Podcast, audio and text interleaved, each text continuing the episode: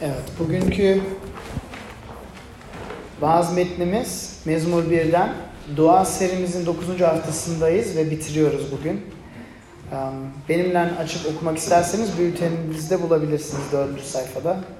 Orada diyor ki, Ne mutlu o insana ki kötülerin öğüdüyle yürümez, günahkarların yolunda durmaz, alaycıların arasında oturmaz.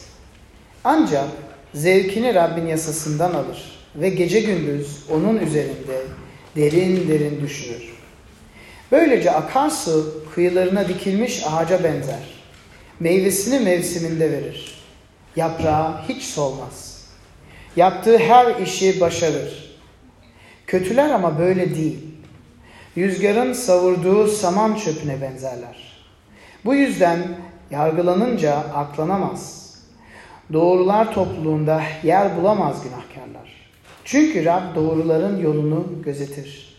Kötülerin yolu ise ölüme götürür. Bu Rabbin sözüdür.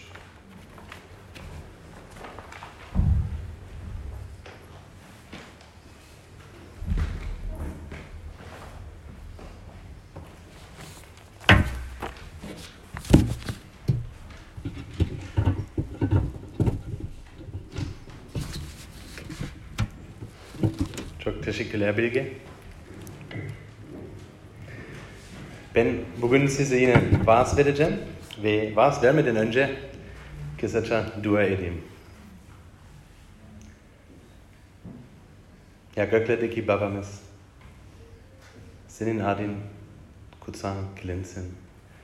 Ya Rab, sana geliyoruz ve sana şükrediyoruz, seni övüyoruz bugün beraber olabildiğimiz için teşekkür ederiz. Ve aynı zamanda lütfen yüreklerimizi aç. Bize konuş. Senin sözün aracılığıyla. Özellikle bana huzur ver. Benim Türkçemi düzelt. Ve bütün şeyler İsa'nın adıyla dua ediyorum. Amin.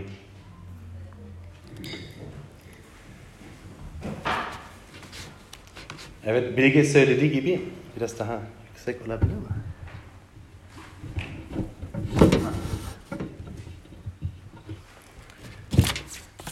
Daha kolay. Bilge söyledi ki bizim um, 8 haftalık, bana göre 8 haftalık ya da 9 haftalık, belki ben yanlış saydım. Bizim uh, 8 haftalık vaaz serimizin sonuna geldik. 8-9 bundan sonra bakabiliriz.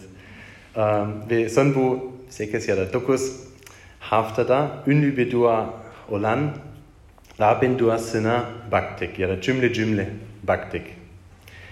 Ve hatırlarsınız ya um, Alisa söylediği gibi göklerdeki babamız adın kutsal kılınsın, egemenliğin gelsin, gökte olduğu gibi yeryüzüne de senin istediğin olsun falan filan. Uh, Alisa biraz önce bu dua etti. Ve bugün yine bir duaya bakacağız. Ama Rab, ama bu Rabbin duası olmayacak. Eğer birisi size kutsal kitabın dua hakkında ne söylediğini sorarsa, cevabınız muhtemelen Rabbin duası ya da mezmurları göstermek olacaktır. Bilirsiniz çoğu dua olarak yazılmış mezmurlar kutsal kitabımızın dua kitabıdır fakat tamamı değil. Peki ilk mezmurda ne var? Ne okuduk? İlk mezmur derin derin düşünmek hakkındadır. Tanrı'nın sözü hakkında derin düşünmeye bir davettir. Duadan önce olan ilk adımıdır. Aynı zamanda duanın temelidir ve bu dua hayatının anahtarı gibi. Ve bu mezmu bize Rabbin sözünü incelemeye öğretiyor. Aslında burada meditasyon yapmak kelimesi geçiyor. Ama bu ama belki bu kültürümüzde farklı anlaşılıyor olabilir. Size açıklayayım. Meditasyonun tanımı öğrendiğin şeylerin senin yaptıklarını kalbini ve varlığını etkilemesini sağlayan eylemdir. Peki mezmur bir nasıl bunun anahtarıdır? Okuduk ya da şunu okuduk. Ay bir ne mutlu o insan ki. Ve ikinci ayette derin derin düşünür ya da ancak zevkini Rabbin yasasından alır ve gece gündüz onun üzerinde derin derin düşünür. Bugün derin düşünmekle ilgili farklı şeylere birlikte bakıyoruz. Ee, her zamanki gibi elinizdeki bültende e, bu düşünce e, okuyabilirsiniz. Bugün beş düşünce getirdim. Birinci derin düşünmenin önceliği, ikinci derin düşünmenin vaadi, üçüncü derin düşünmenin sonucu, dördüncü derin düşünmenin uygulaması ve beşinci derin düşünmenin sorunu ve çözümü. Orada takip edebilirsiniz. Ve birinciyle başlayalım. Derin düşünme önceliği. Bu ne demek? Bu ne anlama geliyor? İşte bir soru. Dua etmek tek yönlü olan bir iletişim mi? Sadece boşlukta konuşmak mı? Yoksa iki yönlü mü? Ne düşünüyorsunuz? Kutsal kitabın söylediğine göre konuşmak ve dinlemektir. Derin düşünme. Cevap vermeden önce Tanrı'nın sözünü dinlemekle başla. İlk söz Tanrı'dan değil mi? Daha öncesinde bizimle konuşan bir Tanrı ile konuşuyoruz. İnsanla arasındaki ilişki düşünürsek, hiç tanımadığımız bankada oturan o adamla olan konuşmamız mı daha yakın? Yoksa onu tanıyıp onunla kurduğumuz ilişkinin ardından yaptığımız konuşma mı? Tanımadığımız bir Tanrı'ya dua etmekle onun sözüyle kendisini tanıma, tanıdığımız bir Tanrı'yla konuşmak arasında dağlar kadar fark vardı. İsa Mesih'i onun sözü aracılığıyla kendini ifade etmek ve Tanrı'ya cevap vermek iki farklı boyuttu. Eğer bir Hristiyansan, derinden ne düşünüyorsun? Dua ettiğinde daha çok seninle mi, seninle mi yoksa Tanrı hakkında mı? Ya da Tanrı'ya inanmıyorsan en çok neyle ilgileniyorsun? Temelin nedir? Tanrı'nın sözü değilse o zaman ne oluyor? Bakın tek yönlü dua kendini ifade etmektir. Ancak bu bir ilişki değildir.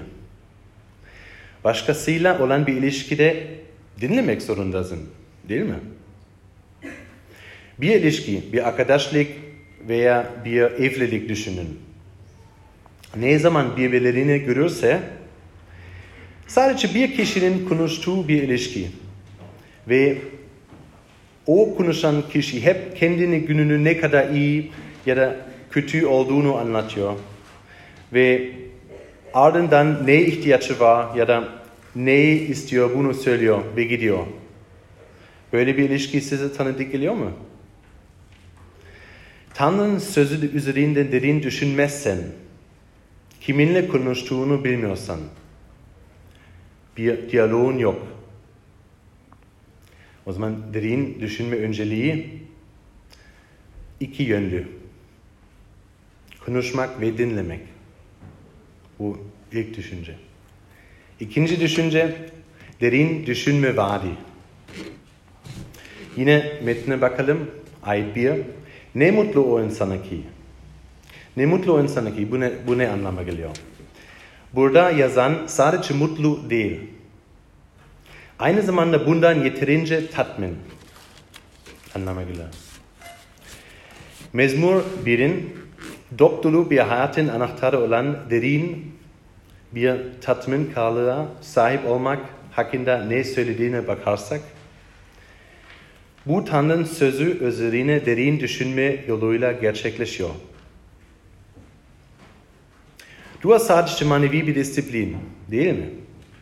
Yani son haftalarda çok şey öğrenmedik mi? Bunun hakkında. Evet bu doğru. Çok önemli bir disiplin. Ama bundan çok daha fazlası var. Bir Tanrı'ya inanıyor musun? Yine sorayım. Çok farklı cevaplar var bunun hakkında. Mesela, belki konuşacak bir Tanrı'ya inanıyorsun. Belki Tanrı'ya inanıyorsun ama onu henüz deneyimlemedin.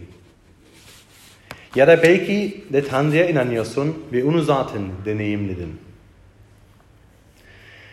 Tanrı'nın sözü üzerine derin düşünmek, zihni yoğun bir şekilde kullanarak kalbini de etkiliyor. İki örnek vereceğim. Birinci kutsal kitaptan. Birinci Selanikliler 1.5 Çünkü yaydığımız müjde size yalnız sözle değil, kudretle, kutsal ruhla ve büyük güvenle ulaştı. Ve Romalılar 8.16 Ruhun kendisi bizim ruhumuzla birlikte. Tanrı'nın çocukları olduğumuza tanıklık eder. Bu ne anlama geliyor? Ruhun ruhuna gelmesi ne anlama geliyor? Kutsal ruh, hayatının değişmesi için Tanrı'nın sözlerini kalbine işliyor. Eğer sen İsa Mesih, Mesih'i Rabbin olarak kabul edersen, ediyorsan, kutsal ruh bizlerin Tanrı çocuğu olduğumuza tanıklık ediyor. O bizim tanığımız oluyor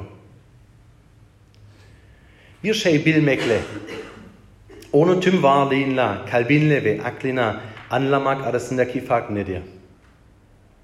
Tanrı'nın sözü üzerinde derin düşündüğünde bu sadece bir bilgi edinme değildir. Kendi kendinize vaaz veriyorsun.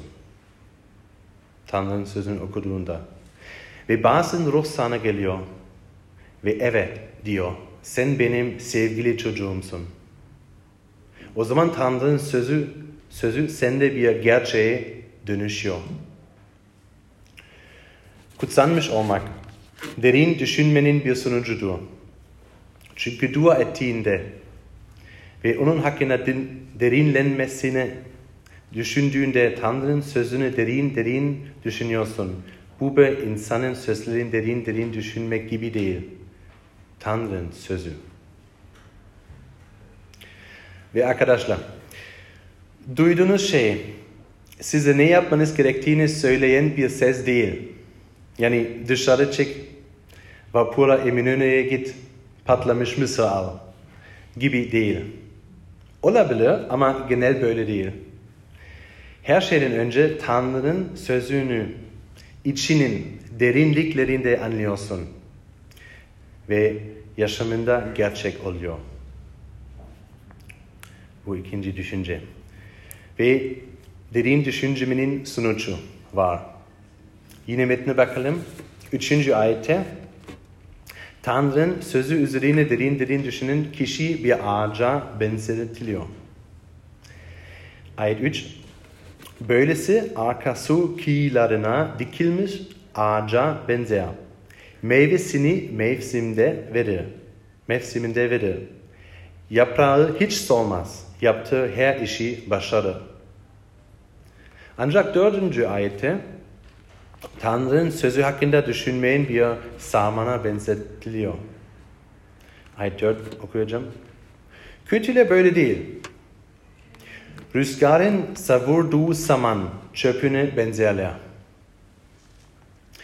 Tahil, tahıl hasat edildiğinde tahıllar havaya atırıldı ve çabuk çok hafif olduğu için rüzgarda uçup giderdi. Böylece iyi ve bezleyici olan tahil artıklardan temizlenirdi. Ve rüzgar, rüzgar koşullarımızdı. Rüzgar gelirse uçarsın. Fakat koşulların değişirse artık dayan, dayanağın kalmaz. Ama Diğer tarafta ağaçın suya inen kökleri vardır. O dimdik ayakta duruyor. Bu bir şeyler kötüye gitse bile bir temelin olduğu anlamına geliyor. Ve ayetler bunu söylüyor. Tanrı'nın kudretinde kalırsan, derin derin düşünüyor ve bunun için dua edersen, o zaman köklerin sağlam oluyor. Gerçek sevinç, problemlerin olmaması değildir. Tanrı'nın varlığıdır. Bir sorun olsa bile seninle kalıyor. Hayatındaki meyve nedir? Mezmur 1, herkesin bir meyve getirdiğini söylüyor. Herkes hayatından sorumludur. İyi meyve veya kötü olabilir. Ve Mezmur 1 aklını doldurduğun şeyin önemli olduğunu söylüyor. Aklını neyle dolduruyorsun? Bütün gün kötü haberleri okuyor musun ve bu seninle endişelendiriyor mu? O zaman meyven endişe ve korku. Eğer bir Hristiyansan, günde kaç saat Tanrı'nın sözü hakkında derin derin düşünüyorsun? Ve günde kaç saat film izliyorsun? Instagram'dasın veya haberleri okuyorsun? Yaptığın şey hayatını etkili. Kutsal kitap bu konuda çok net. Tanrı'nın sözü üzerinde derin düşünmeyi öğrenirsen, kökü sağlam olan bir olacak, kökü pardon, kökü sağlam olan biri olacaksın. Zor zamanlarda bile sevinç içerisinde olacaksın bu Tanrı'nın sizi vardır. Vardır. Pardon. Bu Tanrı'nın size vardır. Ancak dikkatli olun. Her, bu her zaman başarılı olacağınız anlamına gelmez. Bir ağaç farklı mevsimlerden, mevsimlerden geçiyor. Bazen mevsimi bol oluyor. Bazen olmuyor. İlkbaharda yeni yapraklar geliyor ve sonbaharda yapraklar dökülüyor. Kış mevsiminde bile eğer köklerin sağlamsa planların gerçekleşmesi bile gelişebilirsin. Ve Mezmur 1'de bu sağlam kökün kaynağının Tanrı'nın sözü olduğunu anlatıyor.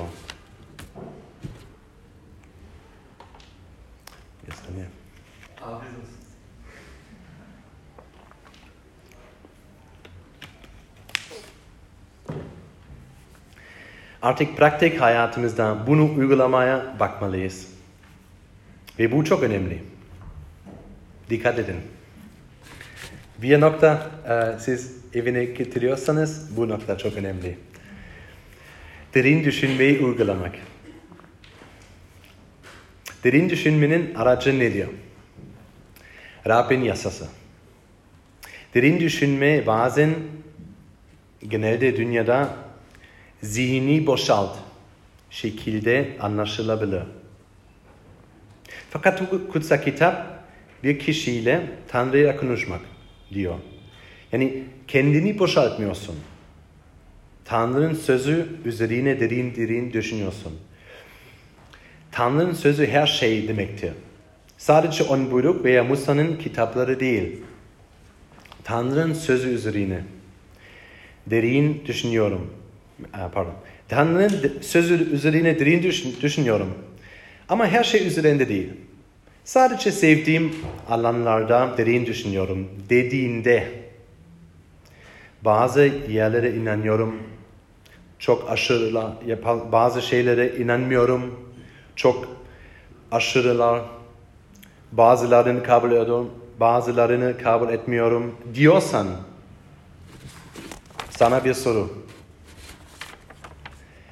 Tanrı seninle nasıl çalışıyor? Tanrı sana hayatında neyi yanlış olduğunu nasıl söylüyor? Eğer hiçbir şey ciddi almazsan, sadece sevgiyle ilgili şeyler okuduğunda ciddi alırsan ama diğer şeyleri, diğer ayetleri, diğer kitapları ciddi almazsan, Tanrı seninle nasıl çalışıyor? Bence sen kendine göre bir Tanrı yaratıyorsun o zaman da. Arkadaşın, senin kendi hayatında bir şeyler yanlış gittiğinde bu sana söylüyor mu? Eğer söylüyorsa bunu kabul ediyor musun? Arkadaşın, eşin. Yoksa o sadece seni pohpoladığında mı onun övgülerini kabul ediyorsun ve onu dinliyorsun? Peki Tanrı'nın iyi şeyleri kabul ederken, Tanrı'nın sözü olarak kabul edilmesi zor olan şeyleri nasıl kabul etmezsin? Tanrı sevgidir. Kabul etmesi kolay. Değil mi? Ama Tanrı sana zamanını, aileni veya cinsel yaşamını nasıl idare, edeceğini hakkında bir şey söylerse ne dersin? Derin düşünmenin aracı bütün kutsal kitap olmalıdır. Sadece sevdiğin ayetler, sevdiğin parçalar değil, bütün kutsal kitap. Peki yine hala pratik uygulamada, uygulamadayız. Peki nasıl derin düşünelim? Bu bizim için ne anlama gelmeli? Kısa bir metni veya sadece bir ayeti tekrar tekrar okuyoruz ve aklımıza gelen her şeyi düşünüyoruz. Bunun ne anlama gelebileceğini ve tüm anlamlarını düşünmeyi bence 30 dakika ayırabiliriz ya da daha uzun. Sadece e, küçük bir metin ya da bir ayet bile. Mesela bir örnek vereyim. Yuhanna 14, 6. İsa, yol, gerçek ve yaşam benim dedi. Benim aracılığım olmadan babaya kimse gelemez. Ayet tekrar tekrar okumalıyız. okumalıyız. Her kelimeyi baştan sona okuyalım, düşünelim. İsa kim? Yol, gerçek ve yaşam ne demek? Babaya gelmek ne demek? Bunun için 30 dakika ya da bir saat um, ayıralım ya da fazla. Ve özellikle cep telefonumuzu kapatalım o yaptığımızda. Sadece bu ayeti 30 dakika boyunca düşüp ve aklımıza gelen her şeyi şey yazalım. Tüm anlamları, anlamları yazalım, kelime kelime. Ne kadar çok şeyin aklına geldiğini görünce şaşıracaksın. Ve metin üzerinde derin düşündükten sonra kendisine üç soru sor. Okuduklarım için Tanrı'yı nasıl övebilirim? Okuduklarımdan dolayı hangi günah itiraf etmeliyim? Tanrı'dan, üçüncü Tanrı'dan ne isteyebilirim? Övmek, tövbe etmek ve istek. O zaman dua etmeye hazırsın. Sadece kutsal kitap okumak ve dua etmek için değil. Daha sonra okuduklarını cevap, cevaben dua edebilirsin. Ve şimdi devam eden bir sohbetin var Tanrı'yla. Ayet 2 okuyayım. Ancak zevkini Rabbin yasasından alır ve gece gündüz onun üzerinde derin derin düşünür. Bunu gece gündüz yapmalısın. Sadece bir veya iki kez değil, düzenli bir şekilde. Ayrıca böyle hissettiğim, hissetmediğinde bile yapmaya devam etmelisin. Eğer gerçekten zevk aldığını hissetmiyorsan burada bir sorun var. Ve son noktaya geldik. Beşinci nokta, derin düşünmenin sorunu ve çözümü. Tanrı'yı seven bir kişi, ayeti, birinci ayete göre, ikinci ayete göre, Mezmur 1'e göre. Tanrı'yı seven bir kişi, Tanrı'nın ona nasıl yaşayacağını söylemesinden zevk alan bir kişidir.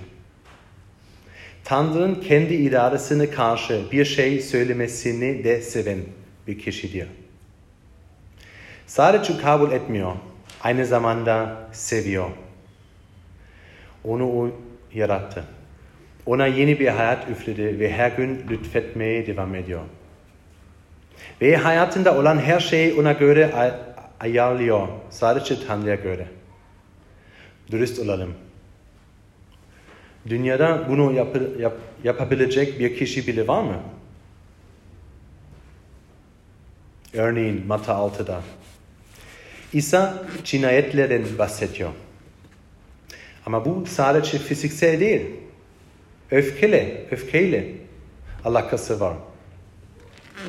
Ve bunun üzerinde ne kadar çok derin düşünürsen, olmak istediğin şeyden o kadar uzaklaşıyorsun. Tanrı'nın sözü hakkında ne kadar derin düşünürsen, onun sözünü dinlemeyeceğini o kadar çok farkına varırsın. Tanrı seni yargılarken Tanrı'nın sözünün, Tanrı'nın kanunlarını tadını nasıl çıkabiliriz? Sadece ve sadece İsa Mesih aracılığıyla. Tanrı'nın sözü derin, pardon yine söyleyeyim. Sadece ve sadece İsa Mesih aracılığıyla. Tanrı'nın sözü üzerinde derin düşünmekten zevk alabiliriz. İsa Mesih Tanrı'nın sözünü sevdi. Gece gündüz, pardon. Gece gündüz düşündü.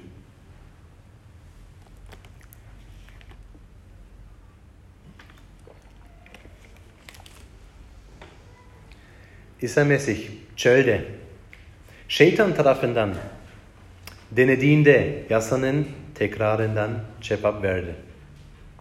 Ya da çarmıha gerildiğinde mezmurlardan ayetler söyledi. Mesela Mata 27, 46 Tanrım Tanrım beni neden terk ettin diye bağırdı. Ya da Luka 23, 46 İsa yüksek sesle Baba ruhumu ellerine bırakıyorum dedi. Gerçek acı içindeyken ve bağırırken sadece kalbinizden geçen bir şeyi çağırırsınız. Ve İsa Tanrı'nın sözüne o kadar bağımlanmıştı ki öleceği son dakikalarda Tanrı'nın sözünü sayıkladı. Veya İsa Mesih'i Tanrı sözü olmadan yaşamıyorsa biz nasıl yaşayabiliriz? Ama İsa bizlere sadece bir örnek mi? O bizim taklit edemeyeceğimiz bir örnek. Hayır. İsa sadece bir örnek değil. İsa Mesih kurtarıcımız olarak geldi. Çarmıha gerildiğinde Tanrı'nın sözünü onurlandırdı ve yerine getirdi. Niye? Çünkü onun sözünü dinlemeyeceğimizi biliyordu. Günahlarımız için ödememiz gereken bir paha var. İşlediğimiz günahların bir pahası var. Biri tarafından ödenmesi gereken bir pahası. Ve İsa Mesih bu pahayı çarmıhta ödedi. Çarmıhta susadı. Peki neden? Çünkü o bizim için dördüncü ayette bahsedilen zaman oldu zayıfların ve kötülerin hak ettiği şey oldu. Biz yaşayabilelim diye o çarmıhta öldü. Ve İsa'nın benim için yasayı nasıl yerine getirdiğini gördüğümde yasadan zevk alabilirim. Tanrı kendini nasıl feda ettiğini gördüğümde yasadan zevk alabilirim. Ve sadece o değil, aynı zamanda önce okuduğumuz gibi Tanrı bize güç veriyor kutsal ruh aracılığıyla. Çünkü Tanrı tarafından kabul edildiğimi biliyorum. İsa Mesih, Mesih'i kurtarı, kurtarıcımız olarak kabul ettiğimde Tanrı'nın önünde yaptıklarımdan değil, İsa'nın benim için yaptıklarından bahsediyorum. O zaman sadece Tanrı'nın yasasına itaat etmeye özgürlüğüne değil, aynı zamanda ondan zevk alma özgürlüğüne de sahibim. İsa Mesih olmadan Yasa beni mahkum eden bir şeydir. İsa Mesih ile yasa benim için bir sevinçtir. Tanrı'nın sözü üzerinde daha derin düşünün. Bununla bir ağaç gibi olacak ve köklerin suya kadar inecek. Dua edeyim. Ya göklerdeki babamız, sana yine geliyoruz ve sana teşekkür ederiz. Seni seviyoruz Rab ve belki bazen bütün sözünü tam anlamıyoruz. Lütfen bize yardım et. İsa Mesih aracılığıyla bize yardım et senin sözünü daha derin anlaşmamız için. Ve İsa Mesih sen kendini çarmıhta feda ettiğin için sana şükrediyorum. Seni seviyorum. Amin.